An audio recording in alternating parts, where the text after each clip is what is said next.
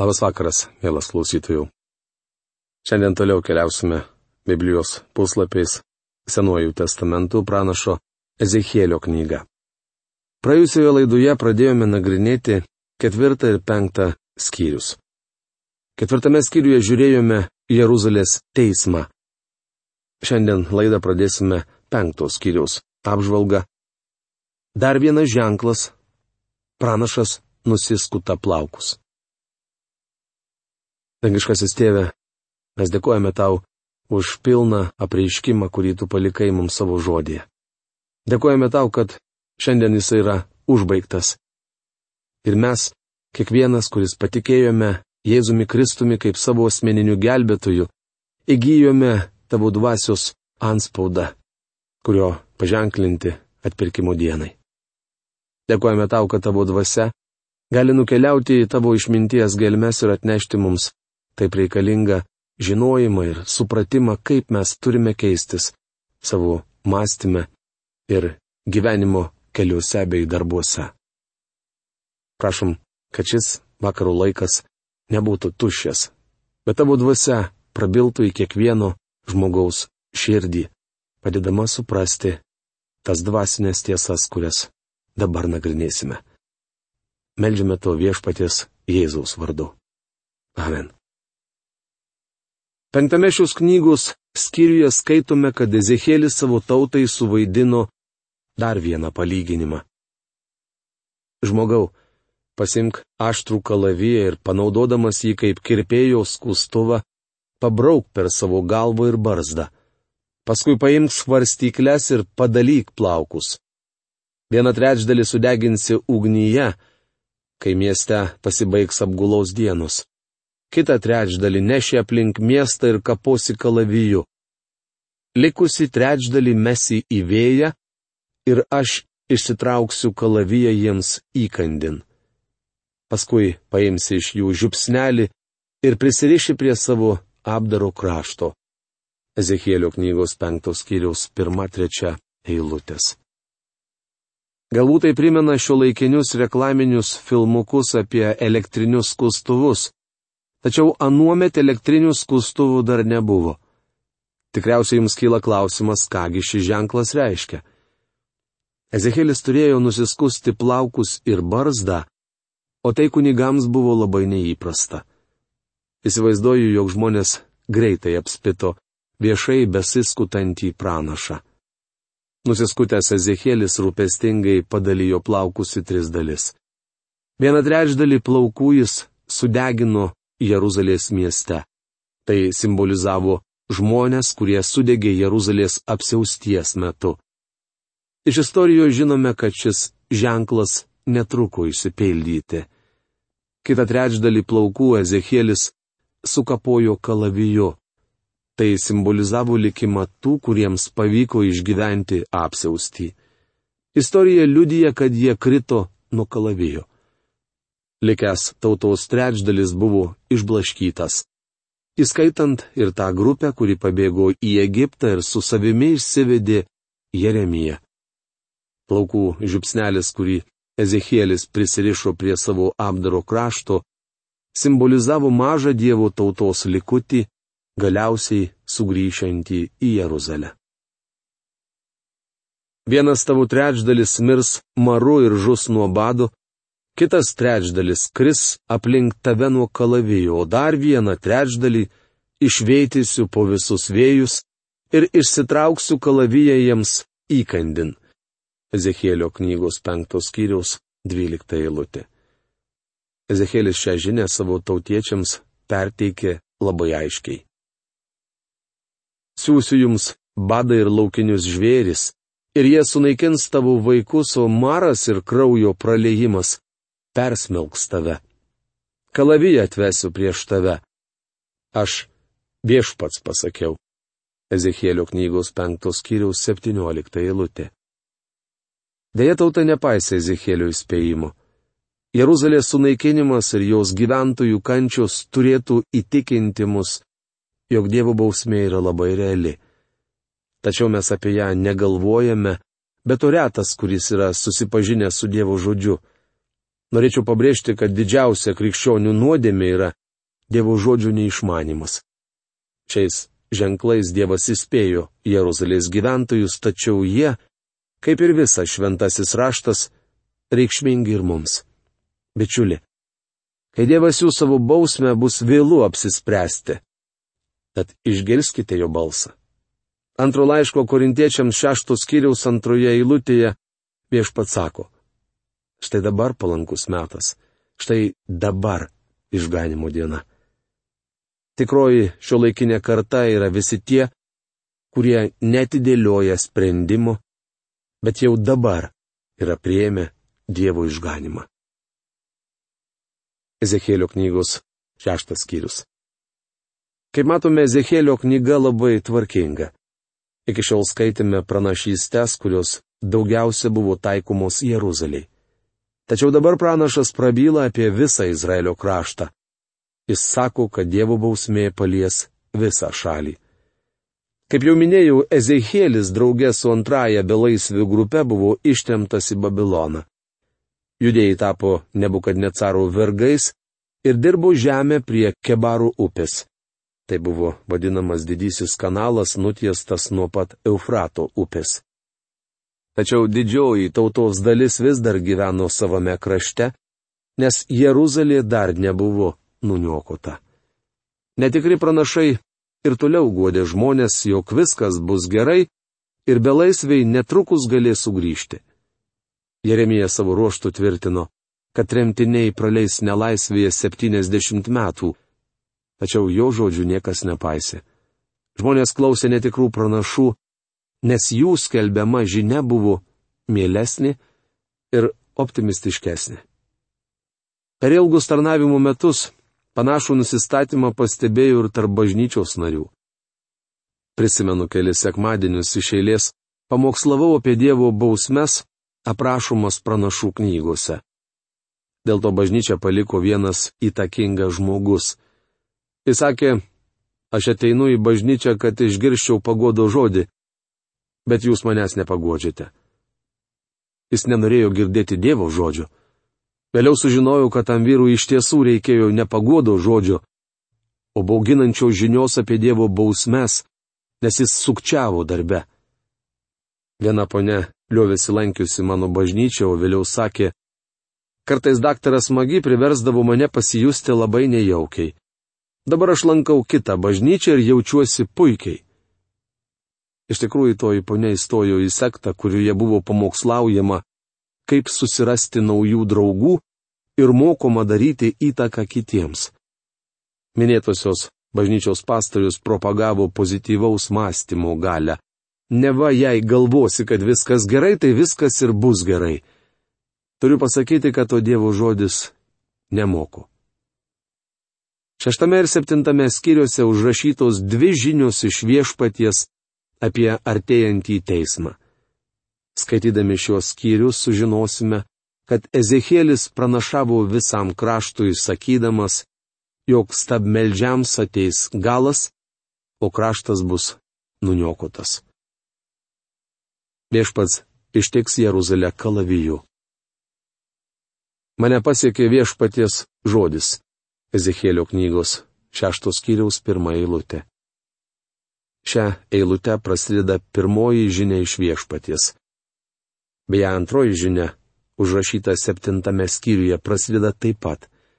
Mane pasiekė viešpaties žodis, tai Ezekėlio septintos skyriaus pirmą eilutę. Tauta nenorėjo klausyti Ezekėlio, tačiau pranašas kalbėjo jiems, sakau ne ką galvoju, ko tikiuosi, ar ko trokštų. Perdodu jums Dievo žodžius. Įdomu atkreipti dėmesį, kad abi žinios iš viešpaties baigėsi teiginiu ir jie žinos, kad aš esu viešpats. Dievas siuntė šią bausmę savo tautai, kad ji žinotų, jog jis yra viešpats. Tai vienas iš bausmės tikslų. Dievas nori parodyti žmonėms, jog jis yra šventas. Mėly bičiuliai, pasaulis turi tai žinoti. Šiandien daug kalbama apie tai, kad Dievas yra meilė. Tai tiesa, tačiau ne visa. Turime pažvelgti į kitą medalio pusę. Dievas yra šventas ir todėl baus nuodėmę. Jei nenorėdami paklusti nusigręžėte nuo jo, jei neigiate jį ir nepriimate jo išganimo, galite tikėtis tik vieno - teismo. Šiandien žmonės ieško įvairių pasiteisinimų, nes nenori pripažinti, kad yra nusidėjėliai. Dėl tos pačios priežasties jie stengiasi išstumti Dievą iš jo paties visatos, sakydami, jog Dievo nėra. Tai bandė įrodyti vienas jaunas hebrajas, kitados tarnavęs kapelionu Pittsburgo universitete. Jo pagrindinis argumentas buvo tas, kad hebrajiškoje Biblijoje Dievas vaizduojamas kaip ištikimas savo tautos sergėtojas, kuris nebūtų leidęs naciams išnaikinti mažiausiai šešių milijonų žydų. Tas vyras rašė, tikėdamas sandoros dievu, turėčiau pripažinti, jog jų, tai yra Izraelio tautos, kuriejas panaudojo Adolfą Hitlerį kaip savo įniršio lasdą išsiųsdama savo žmonės į mirties stovyklas. Aš niekaip negaliu to patikėti. Po to, kas įvyko Aušvice, šio mirusio Dievo negalėtų prikelti net egzistencialistų tikėjimo šuoliai. Šis jaunas rabinas kalba apie Dievo mirtį kaip apie kultūrinį įvykį. Jis prieina liūdną išvadą, jog Dievo nėra, nes anot jo, sandurus Dievas gintų Izraelį ir neleistų, kad jam atsitiktų kas nors bloga. Tačiau reikia atkreipti dėmesį, jog šis vyras, skirtingai nuo Ezechielio, net nesusimasto, jog dėl to gali būti kalta bausmės ištikta tauta. Ji buvo nusigręžusi nuo Dievo ir jo išsigynusi. Izraeliui buvo duota didelė privilegija, o kartu su ja ir atsakomybė, kurios jis nepaisė. Ezekėlis sako savo tautai, jog tai Dievas siunčia šią bausmę norėdamas parodyti, jog jis iš tiesų yra šventas. Tai reiškia, kad jo teismas yra baisus. Antro laiško korintiečiams penktos kiriaus vienuoliktoje eilutėje Paulius rašė. Žinodami, kas yra bijoti viešpaties, mes stengiamės įtikinti žmonės. Patyręs Dievo šventumą pačioje tarnystės pradžioje, Ezekėlis pašventė savo gyvenimą žmonių įtikinėjimui. Žmogau, atgręžk savo veidą į Izraelio kalnų pusę ir pranašauk jiems. Ezekėlio knygos šeštos kiriaus antra eilutė. Dievas per pranašą Ezekėlį skelbė, jog bausmė ištiks visą kraštą. Sakyk, Izraelio kalnai klausykitės viešpaties Dievo žodžio. Taip kalba viešpats Dievas kalnams ir kalboms, dauboms ir slėniams. Žiūrėkite, aš atvesiu prieš jūs kalaviją ir sunaikinsiu jūsų alkus. Ezekėlio knygos šeštos skyriaus trečia eilutė. Šventajame rašte kalnas simbolizuoja vyriausybę, tačiau mums reikia atskirti, kur šis žodis vartojamas tiesioginė reikšmė, o kur perkeltinė. Mano manimu, čia Ezekėlis kalba apie kalnuotą kraštą. Sunaikinsi jūsų alkus. Tame krašte po medžiais stovėjo pagoniški aukurai, prie kurių buvo atliekamos bjauriausios apėgos. Šią niekingą tradiciją buvo perėmusi ir Dievo išrinktoji tauta. Kitaip tariant, Izraelitai buvo virtę stabmeldžiais. Dievas sako savo tautai, jūs būsite teisiami. Jūsų aukurai bus apleisti ir smilkyklės sudaužytos. Suguldysiu jūsų užmuštuosius jūsų stabams po kojų. Suguldysiu Izraelio žmonių lavonus priešais jų stabus išmėtysiu jūsų kaulus aplink jūsų aukurus. Ezekėlio knygos šeštos skyrius ketvirta penkta eilutės. Gaila, kad vokiečiai nestudijavo Ezekėlio knygos, bet sekė Hitlerį. Jiems dėrėjo gręžtis į gyvąjį bei tikrąjį Dievą ir tyrinėti, kaip jis elgesi su žmonėmis. Brangus bičiuli, noriu jūs įspėti, kad Dievas nesidoda išjuokiamas. Tai reiškia, kad jei neatsigręšite į viešpati, anksčiau ar vėliau sulauksite bausmės. Amerika bando iškovoti taiką pasauliui, bet užuot sprendusi problemas. Jas kelia. Tikriausiai jums įdomu, kodėl taip yra? Todėl, kad Dievas baudžia nuodėmę. Gal manote, kad Dievas yra usuotas seneliukas sėdintis ant debesies ir liejantis krokodilo ašaras? Mielas bičiuli, dar kartą kartoju, kad Dievas yra šventas. Tikriausiai prisimenate, kad pirmame šios knygos skyriuje aprašomas Ezekėlio regėjimas. Jis matė Dievo šventumą. Ratai ratuose simbolizuoja Dievo energiją, kitaip sakant, pasiryžimą įgyvendinti savo tikslus. Tuo tarpu ugnis ir viesulas rodo, jog Dievas teisė žemę. Galbūt jums sunku nuryti šią karčią piliulę. Tačiau karčios piliulės gražina mums sveikatą. Dėl to turime ją nuryti. Taigi mes turime reikalų su šventu Dievu, kuris neklysta. Tai reiškia, kad klystame mes. Brangus bičiuli, ar pripažinsite tai? Dievas sako, aš teisiu Izraelį ir tai nebus lengva. Manau, kad Izraelis visai nenorėjo pripažinti savo kalties. Būsimasis likučio išgelbėjimas. Tačiau paliksiu jums tarp tautų pasprukusius nuo kalavijo, kai būsite išblaškyti svetimuose šalyse. Ezekėlio knygos šeštos skyriaus aštunta eilutė. Izraelio tautoje buvo saujelė žmonių, kurie vis dar buvo ištikimi Dievui. Visa tauta buvo nusigręžusi nuo Dievo, bet, kaip visuomet, egzistavo tikinčiųjų likutis. Ta pati galima pasakyti ir apie šiuo laikinę bažnyčią liberalizmas prasiskverbė į daugelį organizuotų bažnyčių, tačiau juose dar daug Dievo žmonių. Viešpats įsidėmė ištikimuosius. Tuomet jūsų pabėgėliai atmins mane tautose, kur bus ištremti, kaip aš sielvartavau dėl jų ištvirkusios širdies, nusigręžusios nuo manęs ir dėl jų ištvirkusių akių, atsigręžusių į savo stabus. Tuomet jie būdėsi savimi dėl padarytų bjauraščių, dėl savo bjaurių nusikaltimų. Ezekėlio knygos šeštos kiriaus devinta eilutė. Tuomet jūsų pabėgėliai atmins mane tautose, kur bus ištremti. Galbūt jums kyla klausimas, ką tuo metu darys likutis? Bičiulyje bus dievų liudytojai. Kaip aš sielvartavau dėl jų ištvirkusios širdies nusigręžusios nuo manęs. Šie žodžiai reiškia, kad tauta priklausė Dievui, tačiau jį ištvirko ir dvasiškai svetimaudama nusidėjo. Kristui pasiemus savo tikrąją bažnyčią iš pasaulio žemėje liks gerai organizuotą struktūrą turinti bažnyčia. Apreiškimo knygos 17 skyriuje įvadinama ištvirkelė. Kaip jau nekartą minėjau, tai kraupiausias skyrius visame Dievo žodyje, nes jame rašoma apie siaubingus dalykus. Jie baudėsi savimi dėl padarytų bjaurašių, dėl savo bjaurių nusikaltimų. Tai vienas iš bausmės rezultatų. Deja, šiandien žmonės nesibodi savo piktais darbais. Tai reiškia, kad Dievas vėl siūs bausmę.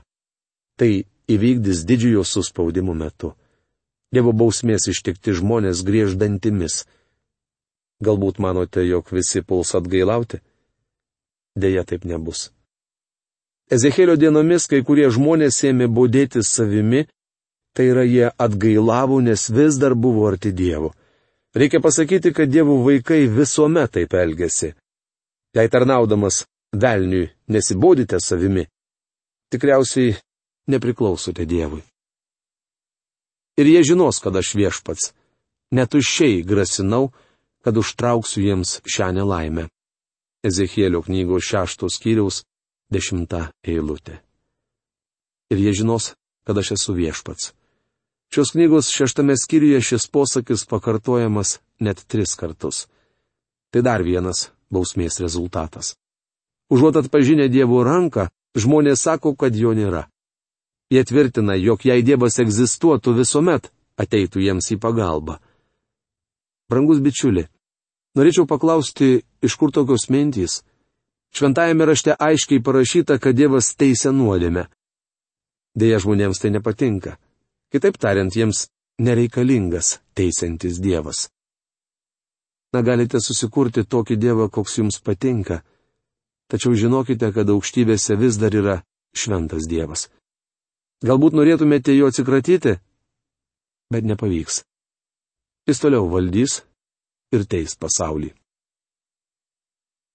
Tuomet jūs žinosite, kad aš esu viešpats, kai jūsų užmuštieji gulės tarp savo stabų aplink aukurus kiekviename aukštumų alke, ant kiekvienos kalnų viršūnės, po kiekvienu žaliu medžiu ir po kiekvienu lapuotų ažulų, kur tik jie aukojo malonaus kvapo atnašas visiems savo stabams. Ezekėlio knygos šeštos skyriaus 13 eilutė. Žinau, kad Hitlerio represijos daugelį žydų paskatino atsigręžti į Dievą. Dėl to šiandien Europoje yra tiek daug tikinčiųjų. Deja, dažnai mes tai užmirštame. Esu gavęs laišką iš merginos, kurios tėvai žuvo dujų kameroje. Ta mergina liudijo, jog siaubingi įvykiai paskatino ją ieškoti išganimo. Mielas bičiuli, net tokiuose įvykiuose mes turime išvelgti Dievo ranką, nes jis yra šventas. Jei Dievas nepagailėjo net savo sunaus, dėl mūsų pavertęs jį nuodėme ir leido jam numirti, kaip nusidėjėliai gali tikėtis išvengsią Dievo teismų? sakydamas, kad užmuštieji gulės tarp savo stabų aplink aukurus kiekviename aukštumų alke, Dievas nurodo, kodėl baudė savo tautą. Mielas bičiuli, jis dar neatšaukė savo bausmės skirtos tam kraštui. Daugelis Izraelį vadina pienu ir medumi tekančių kraštu. Neapgaudinėkite patys savęs. Šiandien jis anaip tol neteka pienu ir medumi. Izraelitai nesigręžia į Dievą todėl jis neatšaukia savo bausmės. Ištiesiu prieš juos savo ranką ir padarysiu kraštą, kur jie gyvena apleistą ir tuščią nuo dykumos iki diblos. Tada jie žinos, kad aš esu viešpats. Ezekėlio knygos šeštos skyriaus keturiolikta eilutė. Nežinau, kaip šiandien atrodo kraštas nuo dykumos iki diblos, Tačiau esu keliavęs nuo Jeruzalės iki Jericho ir galiu pasakyti, jog visai nenorėčiau ten gyventi. Manau, kad jei žydai nebūtų priversti gintis, tai tas žemės mielai perleistų arabams. Tada jie žinos, kad aš esu viešpats. Kaip minėjau, tai vienas iš svarbiausių bausmės tikslų. Šiais žodžiais noriu užbaigti šios dienos laidą. Kitoje mūsų laidoje nagrinėsime septintąjį šios knygos skyrių. Iki greito sustikimo. Sudė.